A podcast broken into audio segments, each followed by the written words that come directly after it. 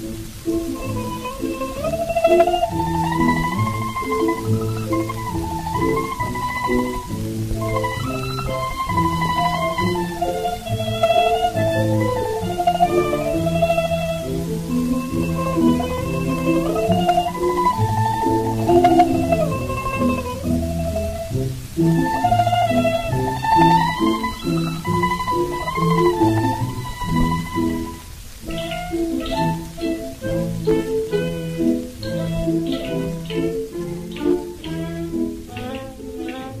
Þessum þætti ætlum við að ræða tvo stríðsmenn, samuræja sem voru feðgar og um leið snú okkur aftur að valdabáratunni og pólitík kama kúratímans.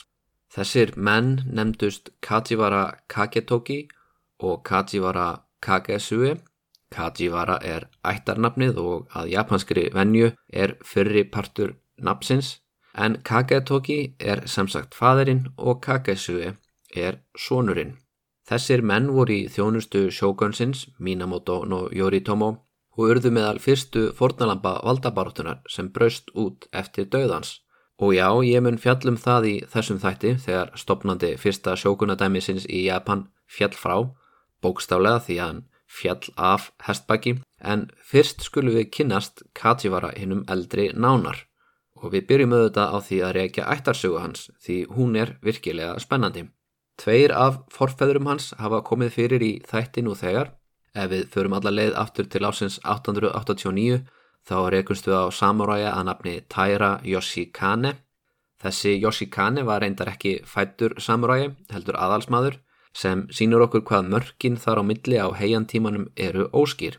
Yoshikane gatt mögulega rekið ættir sínar aftur til keisarans Kanmu sem átti marga tugi barna með hjákonum sínum og margir af kallkins barnabönnum hans sem ekki erðu neitt land eða neina titla fóru norður á bógin og tóku landsvæði með hervaldi af frumbyggjum sem byggu í norðurluta Japans. Yoshi Kane var afkomandi einhverja þannig aðalsmanna og er þar að leiðandi fættur í norðausturluta Japans en þegar hann fæðist þá ákvöður keisarahyrðin að skera niður fjölda aðalsmanna og ákvöður að meðlimir í tæraættinni, afkomendur Kanmu keisara, séu híðanaf ekki aðalsmenn heldur almúi. Ekki að það breyti miklu því að menn eins og Yoshikane unnu nú þegar fyrir sér sem stríðsmenn þeir ferðuðust vopnaður um landaregnir sem þeir annarkort áttu sjálfur eða í mörgum tilvökum pössuðu upp á fyrir eigendur sem byggu í höfuborginni og væntalega höfðu ennþá aðals titla. En í hvaða þætti kemur Yoshikane fyrir? Jú, þessi Yoshikane átti frænda sem var líka tengdasónur hans eins og svo oft í japanskri miðaldarsögu. Það er engin annar en Tairano Masakato sem er fyrsti samuræin sem gerir uppreist gegn keisarahyrðinni og reynir að búa til pólitist sjálfstætt ríki á Kanto-svæðinum. Þeirri slettu sem hýsir nú borgirnar Tokyo, Yokohama, Chiba, svo einhverjar borgir séu nefndar. Alveg 30 miljón mann sem búa á þessu svæði og þetta er langt stærsta sletta í Japan en á þessum tíma mjög vanþróað sveita hérað. Fram að eh, þessum tímabúndi, áður en hann Masakato gerir uppreist, höfðu hann og Yoshikane eldað grátt silfur. Já, þeir áttu í stöðugum deilum þrátt fyrir að þeir væru blóðskildir og Masakato meiri segja giftur dóttur Yoshikane en svo leiði stugastundum ekki til og endanum tapaði Yoshikane í viðrögn sinni við Masakato sem stuttu eftir þá ofmatnaðist og lísti sig keisara.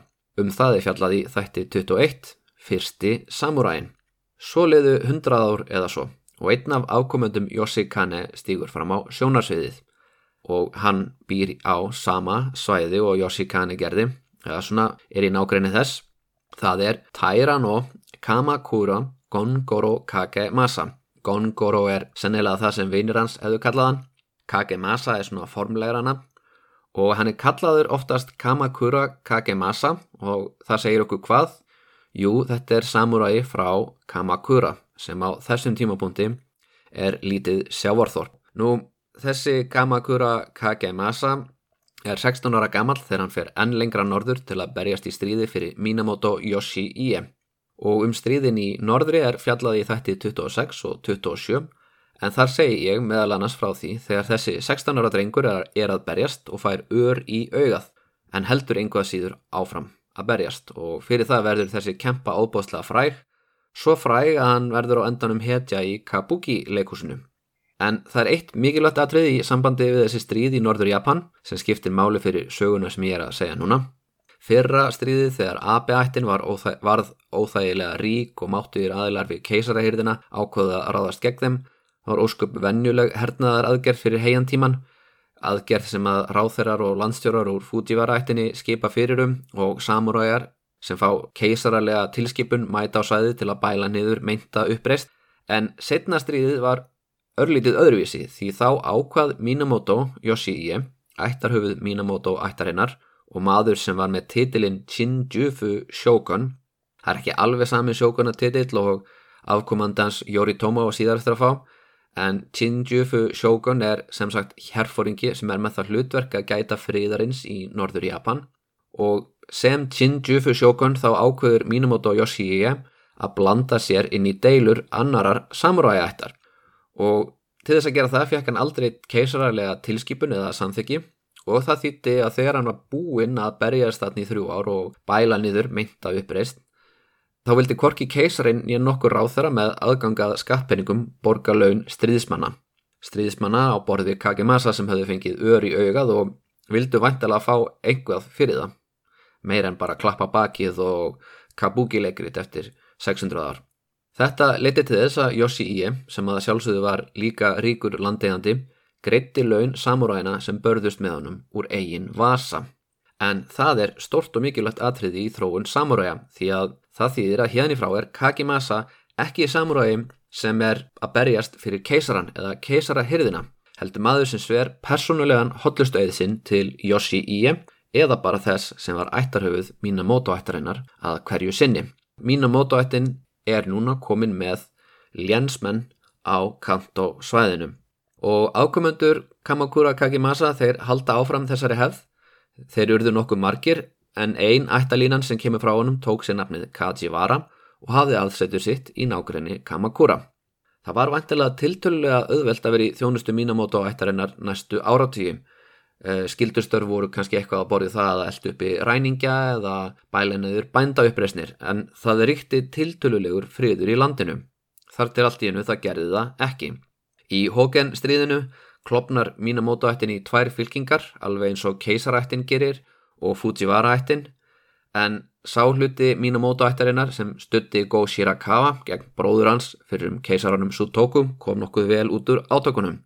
En það líður samt ekki nema örfa á ár þar til aftur brutust út stríðsátök á gödum Kyoto og í þetta sinn voru það stríðsmenn Minamoto-ættarinnar gegn Taira-ættinni sem setur Kajiwara ættbolkin í svo litið aðteglisverða stöðu ekki satt? Því alveg eins og Tairan og Kiyomori þá rekur Kajiwara ættin ættalínu sína til keisarans Kanmu á nýjundöld en að því þeir búi í norð-östur hluta Japans en ekki í suðu-vestur hlutunum þá höfðu þeir svarið Minamoto ættinni hotlusteið í staðis að sverja ættarhöfði Taira ættarinnar hotlusteið og þar að leiðandi gáttu þeir ekki annað en barist gegn þessum fjarskildu frændum sínum Ekki að það hefði breytt niðurstöðinu hugsa ég, tæra ættin hún sigraði, ættarhöfuð Minamoto ættarinnar var tekin af lífi og sonur hans, Minamoto Yoritomo, var sendur í útlegð á Ísu skaga.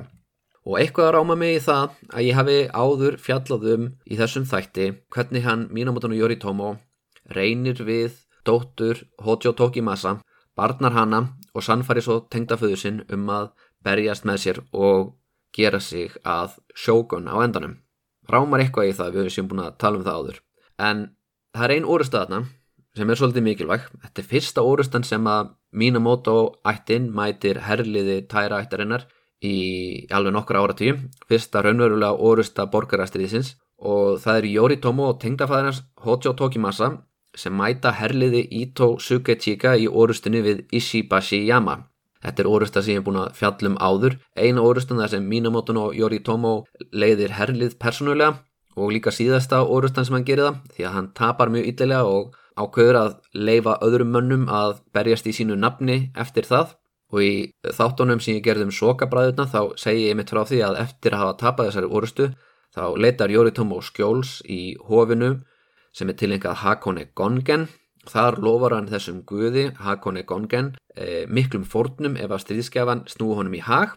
Hún verðist gera það því hann sigrar stríðið verður andanum valdamesti maður Japans og mætir þanga til þess að færa verulegar fórnir og styrkja þetta hof, töluvert en áður en hann nær að þessu hofi þá er hann auðvitað á flotta og, og það er til einn saga sem segir frá því að Kajivara Kakitoki hafi verið að veitunum eftirför og nú hljótið að spyrja býtu, akkur er Kajivaran og Kakitoki að veita Minamoton og Yoritomo eftirför, er ekki Kajivara ættin í liði með Minamoto ættin, er þetta ekki þeirra menn? Jú, auðvitað, en fólk hefur tilhengu til þess að vilja lifa af og eftir að fadir hans Yoritomo klúðuraði yllilega valdaráns til raunsinni, þá ákvað Kajivara ættin að snúa sér í lið með fjarskildum fræntu sínum í tæra ættinni og sverja þeim hotlusteið og það var þar að leiðandi sem að Kajivara Kagetoki var að veita honum Yoritomo eftirför.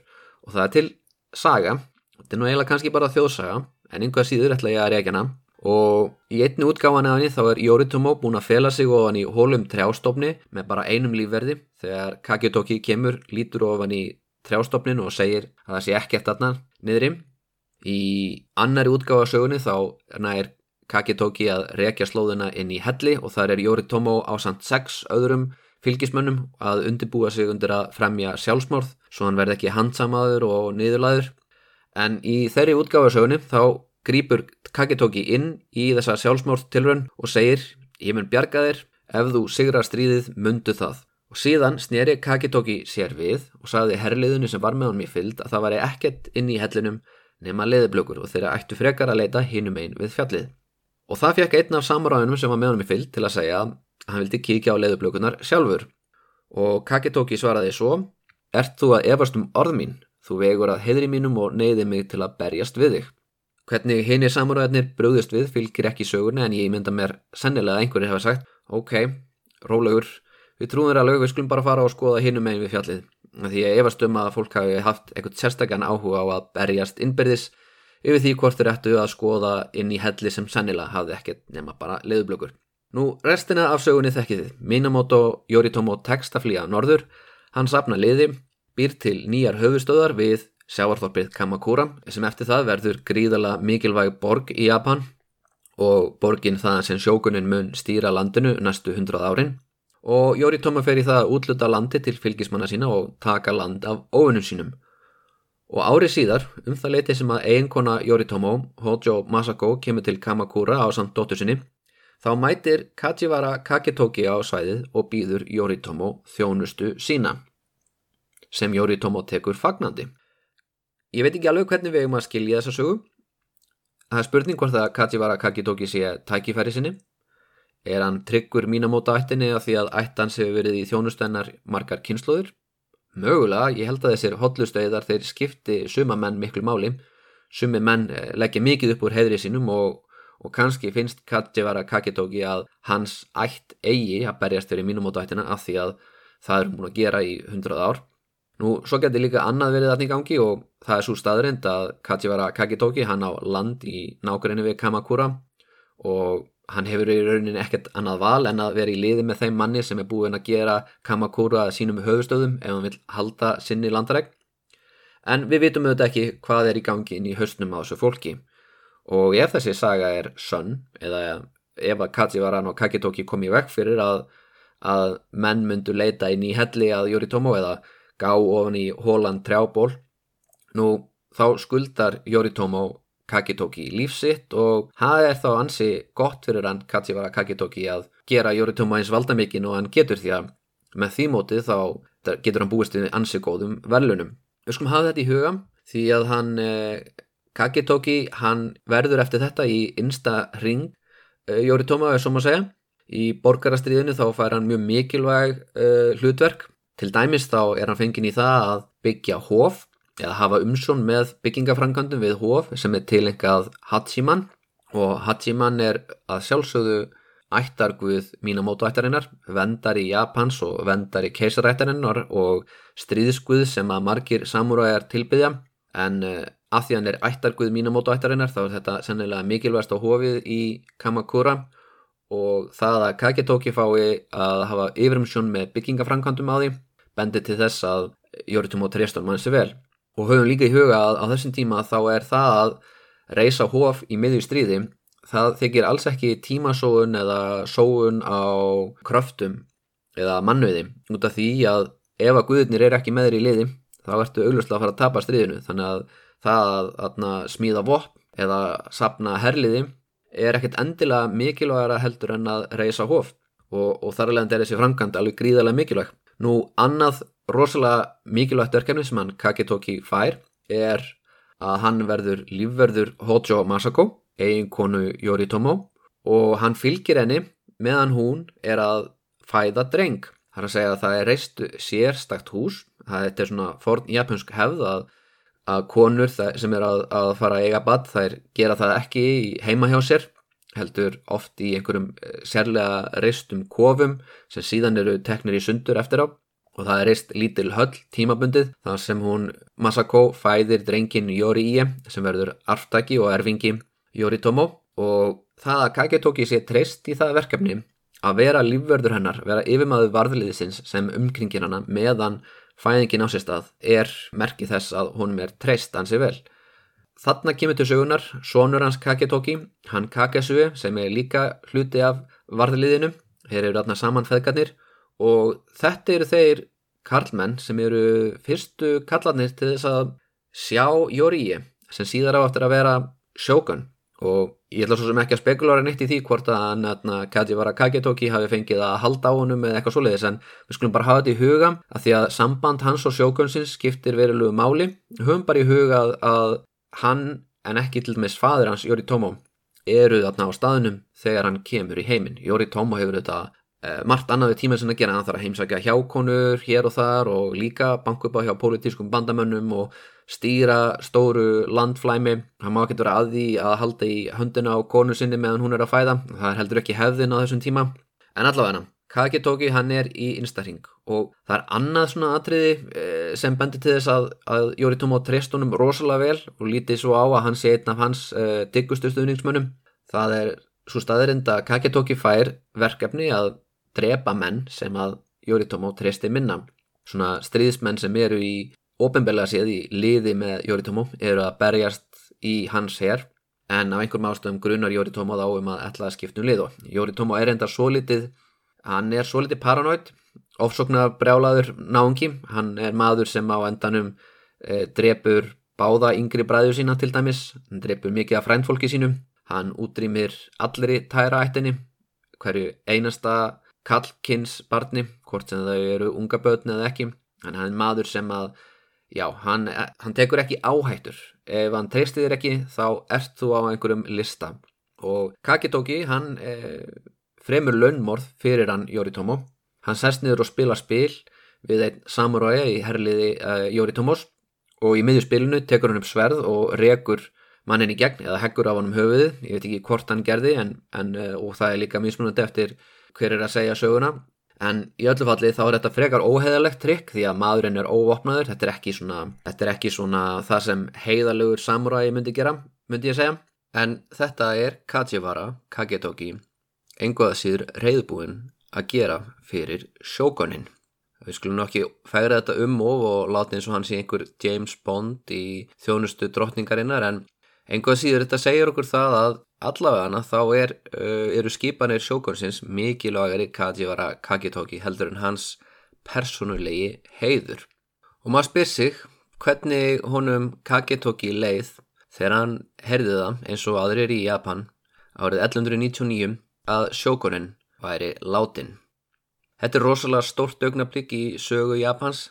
Minamoto no Yoritomo er fyrsti sjókonin Fyrsti sjókunin sem stýri landinu í landi sem verður síðan stýrt af öðrum með þennan titil næstu 600 ár en höfum í huga að þegar hann deyr þá er þetta líka í fyrsta sinn sem að sjókunin deyr og engin veit nákvæmlega hvernig ferlið á að vera við að já, eh, hvernig valdaskiptin eigi að fara fram, er svo maður að segja. En það er eitt svo litið skondið við andlát hans Jóri Tómo.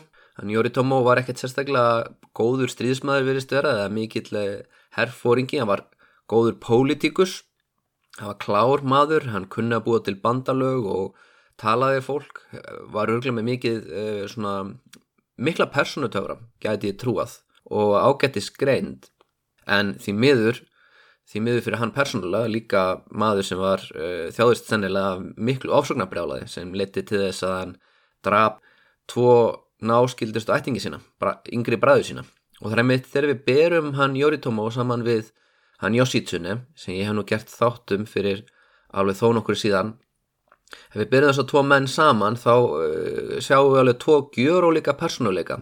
Því að hann Yoshitsune hann er frægur fyrir hvað? Jú, að hann vera rosalega góður herfóringi, hann er rosalega góður knapi, eitt frægasta afreg hans er að hann eh, sigrar eina orustu uh, þegar hann leiðir herliði niður óbáslega brakta brekku. uh, og sigurinn er rosalega óvæntur því enginn á vona því að hann komist niður þessa brekku, hún á að vera alveg ófær en einhvað síður leiðir hann rittaralið, alla leiða ánga niður og kemur uh, óvinnum sínum í opna skjöldum Nú, það er í sjálf og sér ekki merkilegt út af fyrir sig í einu stóra sæmingi en það segir okkur það að, að, hann, Jóri Tómo kemur úr ætt sem er fræg fyrir það að eiga góða stríðismenn, eiga góða rittara og hann deyr þegar hann dettur af hestbaki. Og kannski hefur ekki að gera of mikið úr því, kannski fekk maðurinn hjarta áfall eða heila blóðfall og fjall svo niður, en í öllu falli þá datt hann úr söðlunum, skall með höfuðið í örðina og lést úr uh, sárum sínum stuttur síðar. Heila bara alveg ótrúlegt ótrúlegu döðdagi fyrir mann úr mínamótu ættinni þessari frægu rittara ætt og þetta þótti vandræðalegt og, og það var reynd að hilma yfir það með þessi um, látið sem hann hefði dáður einhverju öðru. En einhvern veginn kvisaðist þetta út og það er kannski til merkis um það að, að sjókunardæmið á þessum tíma er ekki með tök á um, upplýsingarstreiminu fullkomlega. Þetta, þetta er ekki jæna, einræðisríki þar sem að einn maður aður öllum. Hann Yoritomo var maður sem er ég cirka helmingnum af Japan og restin af Japan var í höndum manna sem voru kannski ekki ofnbjörnlega yfirlýstir óvinnir hans en um, sættu sig við að hann réði svona gróflega helmingi ríkisins. Þannig að eins og þeirri það er ekkert vist að, að það munir ríkja stöðuleiki eftir andlátt Yoritomo því að þarna, hver veit nema einhverjar fylkingar samuræja úr Suðurluta Japan munir ísu upp nú þegar hann er fallin frá. Næsti sjókon það á að vera sonur hans, Jóri Íe, sem á þessum tímapunkti er bara 18 áram og það er freistandi að velta fyrir sér hvernig sagan hefði farið ef hann Jóri Íe hefði verið aðeins eldri. Því að margt sem betur til þess að Jóri Íe var mjög lofandi sem næsti sjókon. Hann eh, stóð sig vel í sinni fyrstu veiðuferð þegar hann var 11 ára gammal Allavega skrifaði hann Jóritóma mjög stoltur til eiginkonu sinnar og sæði frá því að, að hann hefði náða að fella dátýr eins síns liðs og það er eflust afreg að geta hitt dýr inn í skógi, sittjand á hestbaki með boga þegar þú ert 11 ára, uh, ég ætla ekki að gera lítið því, hann var allavega mjög fær stríðsmaður og fekk þá þjálfun sem að fadir hans fekk aldrei að því að fadir hans fór í þessa útlegð og, og var í svona halgjöru stofufangelsi. Þannig að við skulum ekki vera of hörð, gagvart, ekki gaggrinan mínumót og Jóri Tómu of hart fyrir það að við hafi ekki orðið góður herfóringi því að hann fekk aldrei þessa þjálfun sem að, að Samur og ég hans stöðu hefði þetta að fá. En Jóri fekk hins vegar bestu mögulegu mentunina og, og þótti bara að vera svona kraftmikill leðtogi. En einhvað síður, hann er bara átján ára gamal og það þýðir það að það eru nokkur eh, kallmenn í kringum hann sem telja þeir gætu mögulega séð betur um að stýra ríkinu. Þar á meðal er það móður af í drengsins, það er Hojo Tokimasa, fadir Hojo Masako. Hann e, lítur svo á að hann hefði fengið allt og lítið hlutverk við að stýra ríkinu í öll þessi ár. Hann hefur aldrei fengið einar mikilvæga stöður, tengdarsonur hans hefur treystunum fyrir ykkar illa og með þessi að uppeldi Jóriíi sem nú á að verða sjókun, það fór ekki fram heima hjá eiginkonu sjókonsins. Það er að segja hún Hojo Masako hún elur ekki upp þennan dreng nýja ættingar hennar. Það var svona allvanalegt að drengir væri sendir í fóstur ekkert en, en mjög ofta á tíðum þá er það tengdafjölskyttan sem tekur við þeim. Ekki svo í þessu tilviki. E, þessi stað er Jóriði settur í fóstur til Hiki ættarinnar. Svolítið rugglingslegt að kynna inn nýjan ættbálk allt inn upp úr þurru þegar borgarastriðið er löngu lokið en Híkiættin var ætt sem var mikilvæg í stríðinu af því að Yoritomo hann sóttist eftir að fá þá með sér í bandalag sitt og eitt af því sem hann býður þeim í raun og verum er þau geta alveg upp erfingja sinn og með því að alveg þennan erfingja þá náttúrulega myndaði góð tengsl við hann.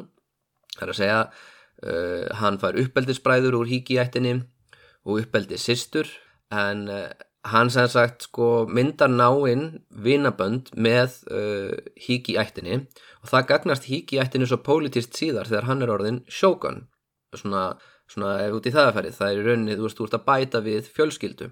Og Jú, svo í mjög mörgum tilvökum þá hafið þessar, uh, þetta kerfi, uh, fórsturkerfi eða Menoto eins og það hétt í Japan á þenn tíma, hafið það stuðlaða mjög öflugum bandalugum og, og þetta meikar alveg sens að því að þið spáðið í það sko, við þekkjum öll í miðalda pólitík uh, þessa hugmyndum það að þú giftist dóttur einhvers og þá er hann orðin þinn bandamaður eða af því þessi er giftur, sýstur minni þá ætla ég að fara að berjast með honum í stríði gegn þessum sem er ekki ættingi minn Fólk myndar bandalög sem sagt með brúðköpi og með því að giftast innbyrðis og vera þannig skild. En um, þó svo hann Jóríi, til dæmis ekki blóðskildur, híki ettinni, þá skiptið að mála hann hafa aðlust upp hjá hann. Og ég held að þetta fara alveg í báðar áttir, af því að ég menna það aðla upp bann, það, það felur í sig einhverja tilfinningarlega tengingu. Þannig að þegar híki ettin er reyðbúin að berjast fyrir Jóríi og verja hans arfleith þá er það mögulega svona blanda af bæðið eigin hagsmunum og einhverjum svona tilfinningarlegum tengslum, svona ef ég er að spekulera.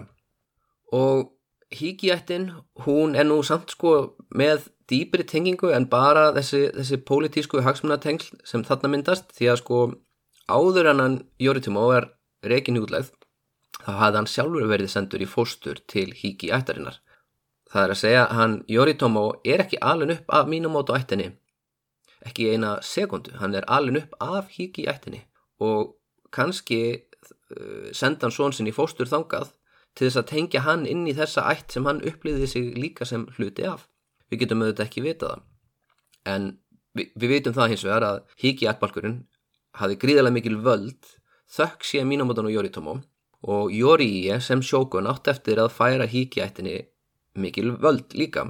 Og einn valdamesti pólitíkus Japans á þenn tíma er faktist ekki kallmaður heldur ættarmóðir Hiki ættarinnar og hún er bara einfallega kölluð í forðeitunum Hiki no Ama sem er ekki nafn. Þetta er atna, kona sem atna, á þó nokkrar dætur þær eru giftar hinn á þessum mönnum. Og þessar dætur þær eru uppeldisistur fyrsta sjókonsins, hans Yoritomo. Og eigimenn þeirra ákveða allir að berjast með honum þegar Yoritomo lýsir yfir uppreysn sinni.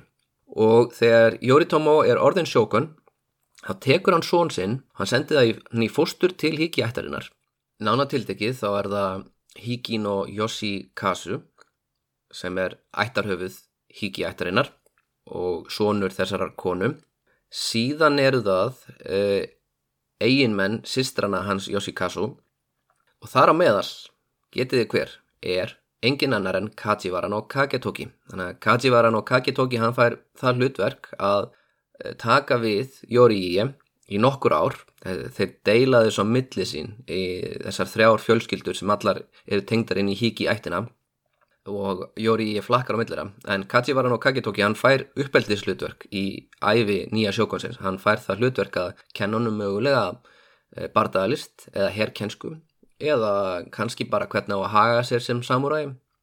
Mögulega hefur hann ráðið inn að einhvers konar uh, uh, konfúsískan fræðimann sem hefur kent honum að lesa eitthvað svo leiðis. Þetta er eitthvað sem við vitum auðvitað ekki nákvæmlega, en í öllu falli uh, eins og þið heyrið þá eru tengslinn alveg þó nokkur milli sjókonsins nýja og Kajivara Kakitoki. Hann er ekki bara maðurinn sem er viðstatur við fæðingu hans, hann er líka maður sem að teku þátt í uppeldi hans. Og það gerir móðir hans Jóri ekki og það gerir móður afi hans Jóri ekki. Og þannig ég held að þið farið að skilja núna kannski er að það eru tvær fylkingar sem er að myndast þetta önnur fylkingin er blóðskild nýja sjókununum og telur að það eigi að skipta einhverju máli þau eigi að fá einhverju völd og hinn er ekki blóðskild honum Jóri en hefur tekið þátt í að alun upp og Jóri hann áttur að halda meira upp á þá sem ólan upp heldur en þá sem eru honum blóð skildir. Og Higino Yoshikazu, honum tekst að gera eh, Yorii að tengda sinni sínum, þar að segja, hann giftir hann dóttur sinni. En móður af við nýja sjókonsins, hann gefst ekki upp. Hann sér að hann, Jóri Í ætlar að umvefja sig með að hann meðlumum úr híki ættinni. Þeir verða hans nánustu ráðgjafar og fá þau ennbætti sem hann getur skipað í.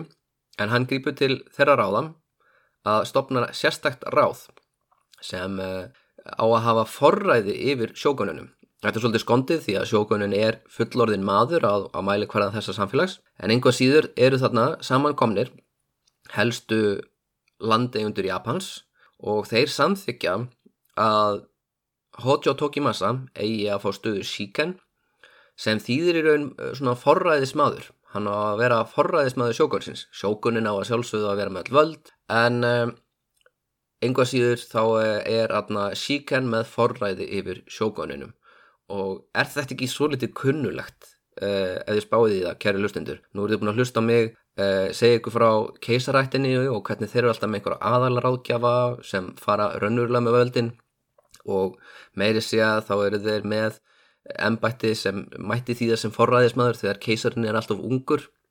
Þannig er verið að reyna svipað. Það er rauninni sko uh, sjókunin er búin að taka pólitísk völd af keisarannum færa þau yfir til Kamakura og stýra landinu þaðan. En svo kemur ykkur hóp manna og ákveður að taka völdin frá sjókununum leifa sjókununum að vera þarna áfram sem einhvers konar e, ták en ekki maðurinn sem fólkið á að hlusta og, og hlýða. Og það er skiljanlegt að það er ekki allir alveg sáttur við þetta. Þar meðal híkiættin er ekki alveg sátt og híkiættin er með vopn og þetta skiptur þetta svolítið máli sko að því að þegar atna, Fujivarættin tók völdin af keisarannum það var engin að berjast fyrir keisarann það var engin beinlinis í þjónustans sem hafði vopn. En í þessu tilviki, í þessum mismunandi fylkingum þá er þetta alltaf mann samúræjar. Og það þýðir menn sem eru búin að þjálfa sig í að berjast sitja á hestbæki, skóta boga skilmast, þið vitið þetta eh, allt saman. Fólk sem um, kann að berjast og er jafnvel til í að berjast. Það er kannski öllu mikilvægra en uh, fyrstu átökin sem eigið sér stað í þessari valdabortu þau byrja þegar Katjivara Kakitoki móðgast. En hvernig móðgast hann? Nú, Tokimasa er búin að stopna sitt öldungaráð með sínum eigin bandamönnum og láta skipa sig Shiken til að stýra landinu.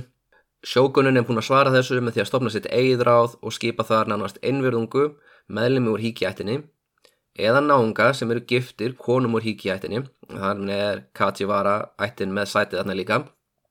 Og þessi ráð þau eru á sama staður í Kamakura meiri sig að í sömu húsum. Og þau rekast á hvort annað þarna á göngum. Og, og það vitt svo til að á einum tímabúndi þá heyrir Kachivara Kaketoki hátt settan empætismann við Kamakura hyrðina sem eru úr rangri fylkingu segja upp átt Ég hefði ótt að segja mér þegar gamli sjókunin Minamoto no Yoritomo dó og ganga í klustur. Þetta fannst Kaketoki vera mikil móðgun, hann verður alveg brjálaður. Nú, það er í sjálfu segja ekkert uh, nema gott um það að segja þegar atna, sjókun deyr og einhver ákveður að draga sér í hljem. Það þykir mjög virðingavert, þú bara rakar, þig, uh, rakar hárið af höðinu og byrjar að kyrja og og munkar hafa oft mjög sérstakar stöðu í þessu samfélagi, þeir geta eða snúið aftur og tekið þátt í pólitíkin en þetta þykir alveg svona virðinga verðt, þú ert að sína þínum gamla mestra mikla virðingu með þeim. En þú ættu auðvitað að gera það um leið. Þar sem honum Kakitoki fannst vera í að með þessu var að nýju sjókunin var í engan vegin verðugur herra til að þjóna.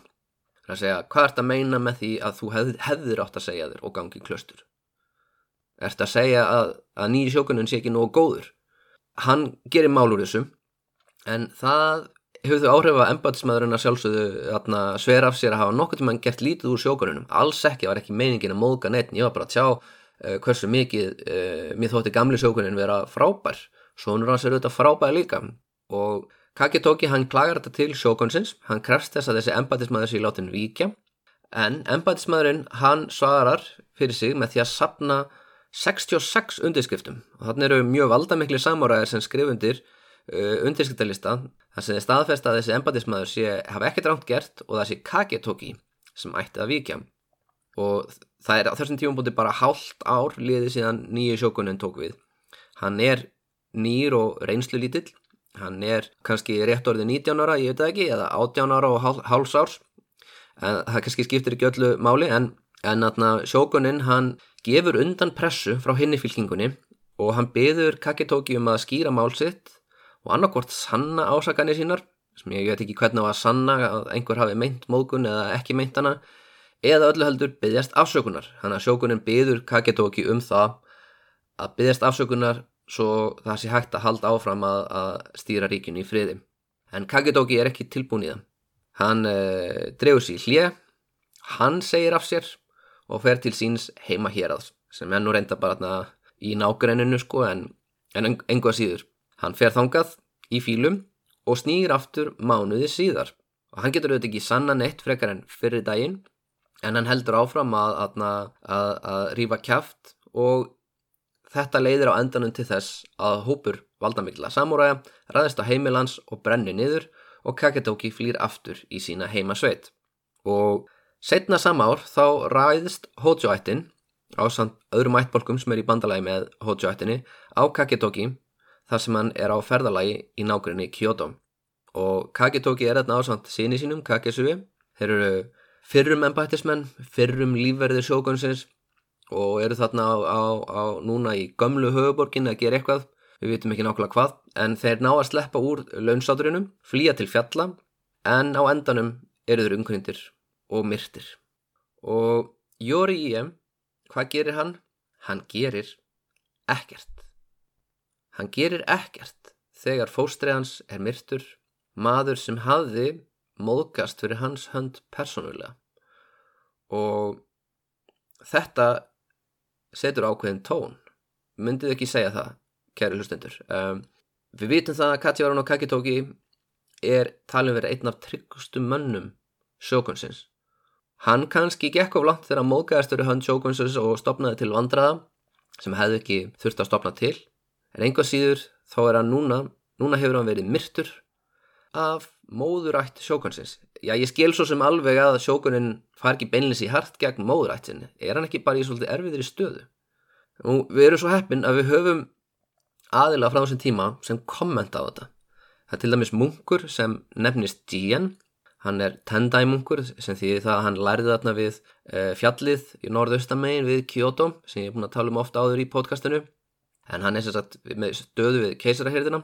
En þó hann sé við keisarahyrðina þá er hann einna bandamönnum sjókunadæmisins hann er mjög hlindur því að uh, sjókunar fari með pólitísk völd og að keisarar séu meira í tákuninu hlutverki og hann skrifar í sína persónulegu dagbók að hann tæli Kaketóki og Kakesögu vera meðal tryggustu þjóna sjókunsins og hann skilur ekkert í því að sjókunin uh, hafi ekki reynd að bjarga þeim einhvern veginn og svo er annar sem skrifar í sína eigin dagbók það er fyrrum aðalaráðgjáfi keisarans Kujo Kanesane Nú við töluðum aðeins um hann í síðasta þætti. Hann er svona maður sem var einu sinni bandamaður uh, mínamótu ættarinnar. Snerist svo gegn henni að því að Yoritomo reyndi að gifta dóttur sína inn í keisarættina. Það er að segja hann reyndi að gifta sýstur hans Yorie inn í keisarættina. Það þetta verið mjög gott fyrir Yorie ef að sýstur hans væri núna gift keisaranum. Það myndi gefa hann svona ákveðna, já það myndi ekki gefa hann meira völd það myndi gefa hann, hvað ég var að segja, þetta myndi gefa hann meira lögumætið þetta og það væri bara töff, er ekki bara töff að vera máur keisarans, við skulum orða það þannig það myndi gera hann meira töff en í öllu falli þá er Kannesanni maður sem að hafi verið náinn bandamaður mínum á dættarinnar snerist svo gegn henni en er núna í raun og veru bara valdalaus maður, meðlumur úr futsívarættinni og maður sem dundar sér við uh, það að skrifa ljóð garðurki og að skrifa dagbækur. Og við höfum dagbók hans frá þessum tíma líka. Hann kommentar á það og hann skrifar að hann líti á það sem mikinn pólitískan afleik hjá sjókununum að hrekja Kaketóki í burtu að standa ekki með honum.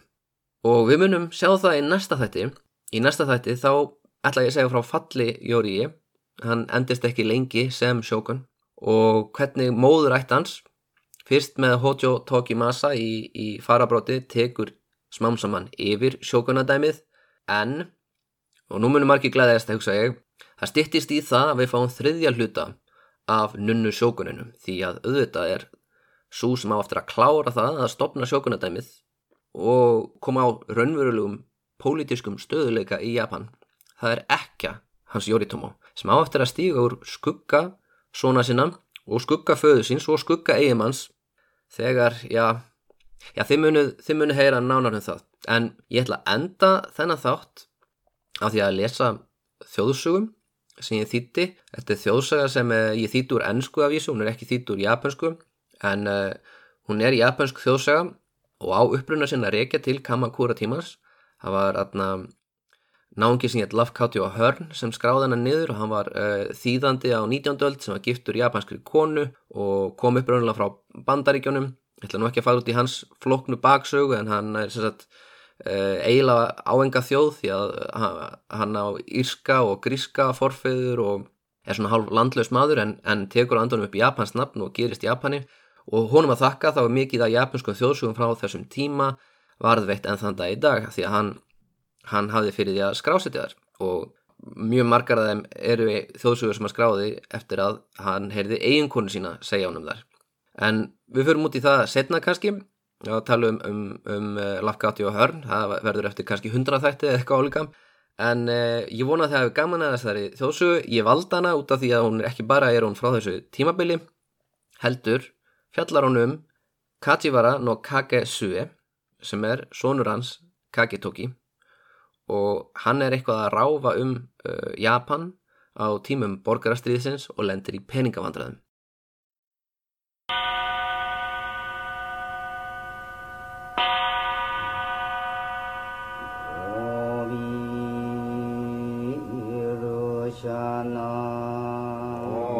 Eitt sinn fyrir nýju öldum síðan eða svo vantaði prestum við hofið Mugenjama í Totomi hér aði stóra bjöllu fyrir hofið. Og þeir báðu konunnar í söfniðunum að hjálpa þeim með því að gefa gamla brons spegla. Svo hægt væri að bræða málminn úr þeim og nota til að smíða bjölluna. Á þessum tíma bjó ung kona, eigin kona bonda við rætur Mugen Jama og hún gaf speilsinn til Hofsins. En síðar átt hún eftir að fyllast mikilli eftirsjá.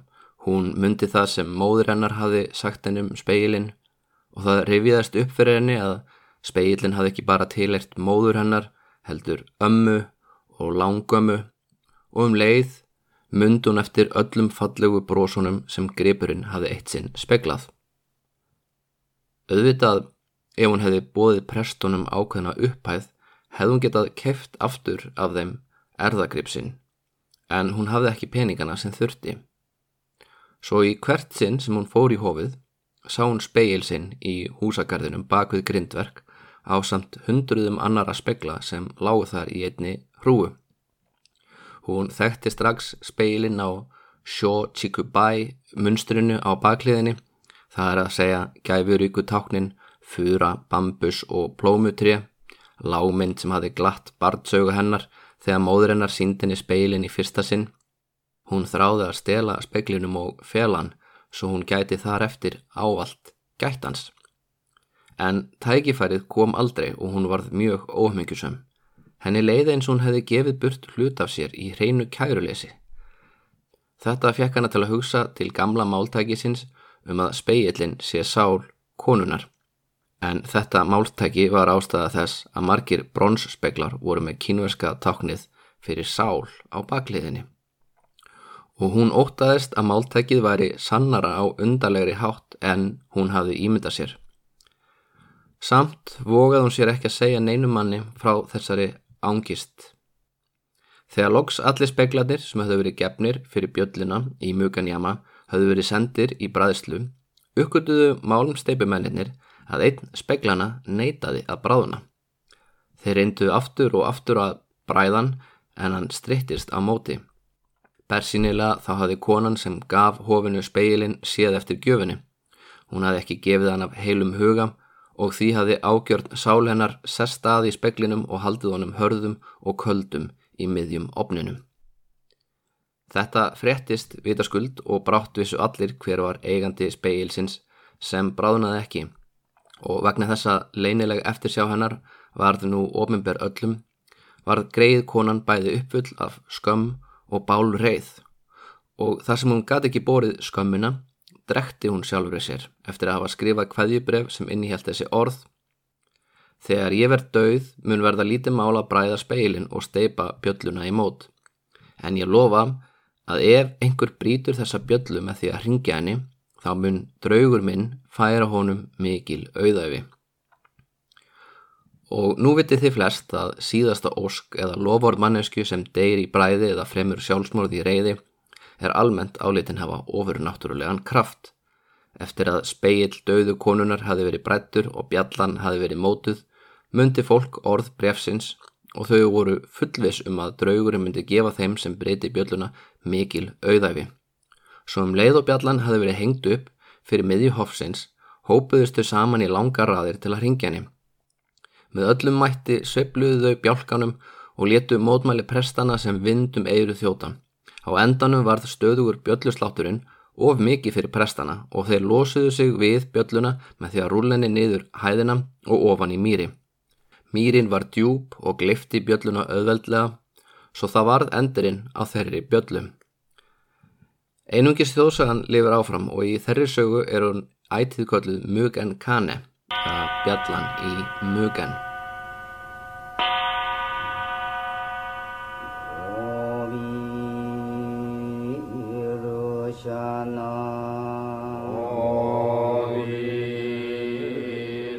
Til er sérkennileg gömul þjóðtrú í Japan um töframátt, einbeitts vilja og hugsunar sem þó hún sé ekki sögð með berum orðum fælst í sögninni nasoru.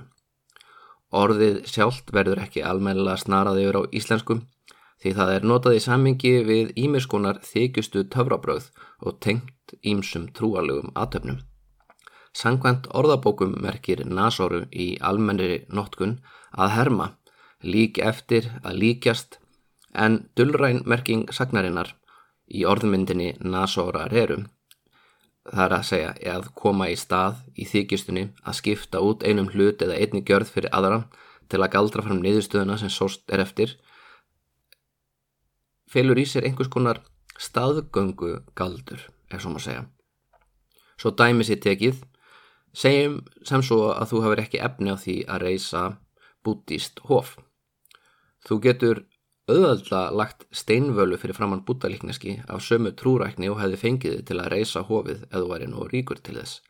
Afraksturinn af þessari fórn verður, af þessari fórn verður sá sami eða nærri sá sami og ef þú hefði reist hofið. Þú gæti líka í stað þess að lesa 6771 bindi af bútískum textum búið til bókasapn sem snýrði mér hingi, nokkus konar bókavindu og ef þú flettir textanum þannig í bókavindinu þá myndu öðlast sömu karmísku umbun og þú hefði fengið úr því að lesa textan. Þetta skýrir kannski hugmyndina að baki Naso Rareru í trúarlegum skilningi. Það er ekki hægt að útskýra notkun á Naso Rareru í töfrabröðum fyllilega að þess að taka ótal sínidæmi en fyrir þessa sögu getur þetta tiltekna dæmi dugað. Ef þú myndir gera lítinn mann úr stráum og myndi negla strámaninn með að minnstakosti 5 tommu nöglum uppið tré í rjóðuri baku hóf á tíma uksans og ef manneskjan sem strámaðurinn á að takna deyr síðar á kvalafullan máta þá væri það ágætti stæmi um galdramerkingu Nasoru. Eða ef við ímyndum okkur að inbrótstjóður hafi komist inn í íbúðuna okkar að nóttu til og tekið all vermæti okkar, ef þú finnur fótspor ræningjans út í gardi og brennir síðan búrót í spórunum þá myndu illjar ræningjans loga og ekki unnunum neina kvíld fyrir hann hefði skilaða eigin frumkvæði ránsvengnum og þar með sett sig í þínar hendur. Það var í einleið til að notast við staðgöngugaldrana sem feilast í hugtakinu Nasora Rerum og svo er þriðja leiðin sem er svo sem við sjáum í hinnum ymsu þjóðsugum um Mugen Kane eða bjölluna frá Mugen. Eftir að bjöllunni hafi verið rúlað út í mýri var augljóslega ekki hægt að ringja í þeim tilgangi að brjóta hana. En þær manneskjur sem sáu eftir þessu gróðatækifæri tóku stundum aðra muni og letu sem þessir munir væru bjallan og brutu þá að sjálfsögðu í vonum að það myndi friðþægja eiganda speilsins sem hafi valdið öllum þessum vandkvæðum. Ein af þessum manneskjum var kona sem nefndist Umegai og hún er vel þekkt í japanskum fornsögum vegna ástarsambands hennar við Kajiwara Kagesue einn af frægum stríðsköpum Taira ættbálksins sem þó síðar lendi í þjónustu Minamoto no Yoritomo, fyrsta sjókun Japans. Eitt sinn þegar Umegai var á ferðalagi á samt Kajiwara Kakesui þá lendu þau í verulegum peningavandræðum og Umegai sem myndi hefðina um Mugen Kane tók brons bala og let þennan bala takna í huga sér Mugen bjölluna og sló á þennan bala þar til hann brotnaði og um leið og balin brotnaði kallaði hún eftir 300 gull skildingum. Einn gestur á gistihúsinu sem parið hafi stoppað á spurðist fyrir um hvað óllöllum þessum bartingi og köllum og þegar hann heyrði að peningavandræðin þeirra böðist hann til að gefa Umegai 300 rjó í gulli. Síðar meir var samin söngur um bronskál Umegai og sá söngur er ennþann dag í dag sungin Umegai no Chosubaki Tataite og Kanega deru Naraba. Minasan miyuke o Sore Tanum í massu og í minni slöku þýðingu væri þetta ef með því að berja þóttabala umegæm gæti ég grætt á heiðarlegan máta þá myndi ég kaupa frelsi handa mér og öllum mínum vinkonum. Eftir þetta atveg varð sagan um Mugenkane landsfræg og margir reyndu að leika eftir henni í vonum að verða jafn heppin og hún. Einn þeirra var fátakur bondi í grendu Mugenjama sem bjó við bakka fljótsins Óigawa Hann hafði sóað sínu sparifíu með óhóflugum lifnaðarháttum og brugði á þá örþruvar áð að nota drulluna í gardi sínum til að búa til leirmódel af bjöllunni. Síðan barðan þessa leirbjöllum, brautana og æfti um leið ósk sína eftir auðafum.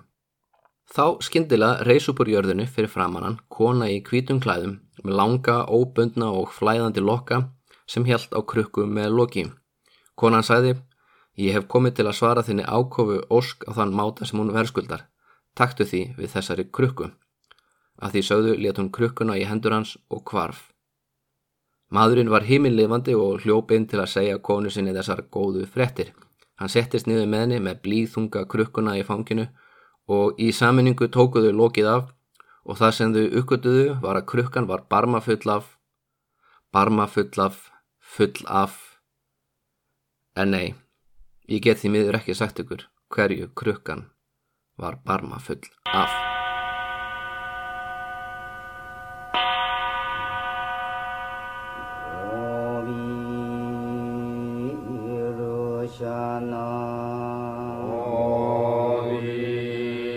Þá erum við komin að lokum þáttanist í dag.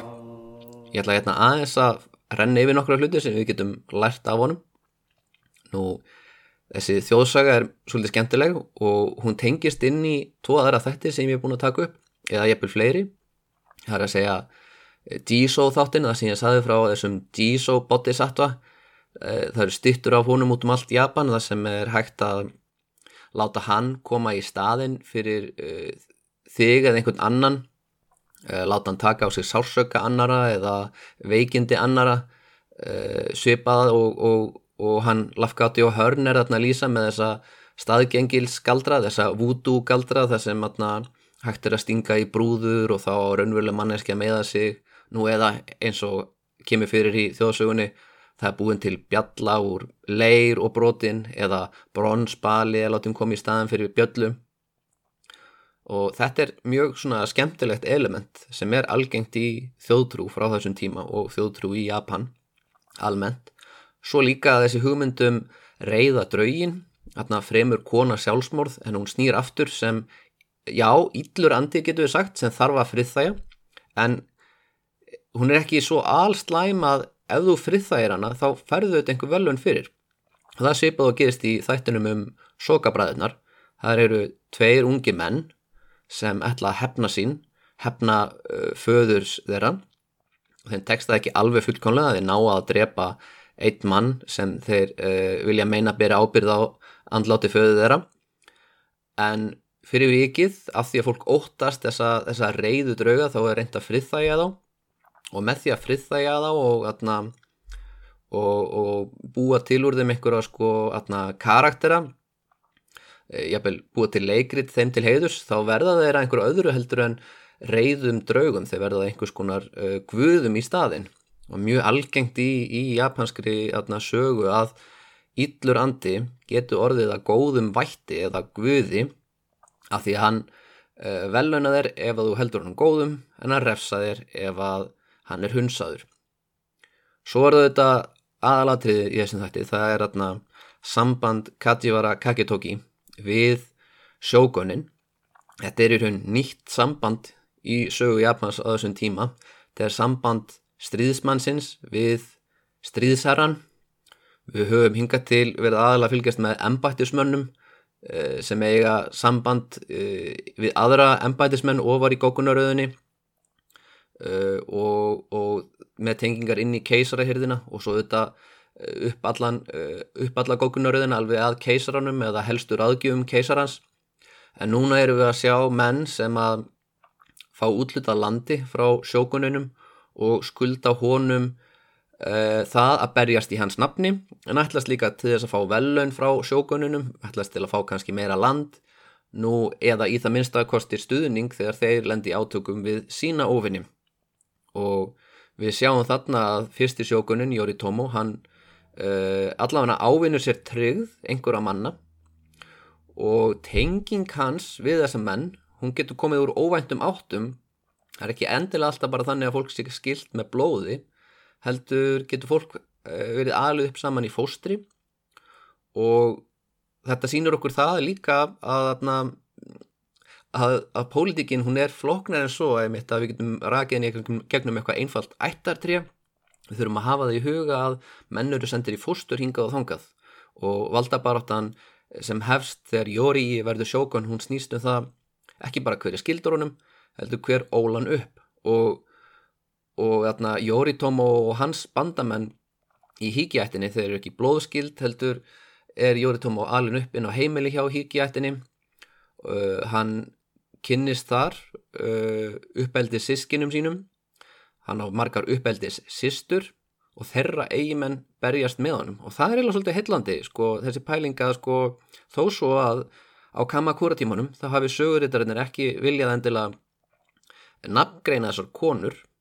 Eh, hún, hún Híkin og Ama sem er brjóstamóður hans Yoritomo, hún gefur hún brjóst þegar hann er lítið bann og hún elur hann upp þar til hann er 12 nú við vitum ekki nafnið á henni því að Ama, þetta er bara titill sem að konur fá þegar það eh, eru orðnar ekkjur og eh, gerast nunnur, þetta er svona trúalett heiti og þú veist við getum alltaf skallað hana Híkin og Amma bara, Amma Híki ættar hennar eða eitthvað, þetta er, þetta er ekki persónlegt nafn.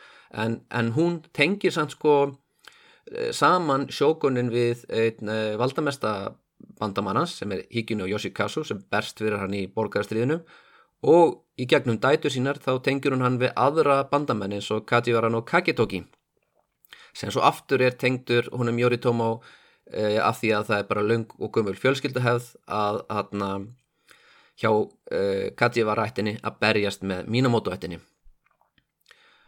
Þetta er uh, svo sem allt sem kemur fram í þættunum held ég, eða það ekki? Er ég ekki nokkurnu en búin að ná að summa upp hvað þessi þáttur snýrst um? Nú í næsta þætti þá höldur valdabaratan áfram og við eigum eftir að kynnast nánar uh, þessum tveimur ættum sem er að fara að takast á Hiki-ættinni og Hojo-ættinni sem, jú, eru þarna jú, í bakgruninum en einhvern veginn þá, þá atna, höfum við hingað til verið að fókusa þessar stóru gamla ættin Minamoto, Taira, keisarættina, Fujiwara.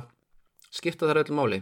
Eða er þetta kannski miklu frekar spurningum þessar litlu ættir sem er á hliðalínunni sem taka menn í fóstur eða redda þessum stóra aðilum hjákonum ja, það kemur allavega nýljós en atna, við heyrumst vonandi á næstunni Ég áttir að taka upp fleiri þætti en það getur orðið svolítið langt. Já, ég taka upp næsta, það kemur í ljós. Takk fyrir lustunina.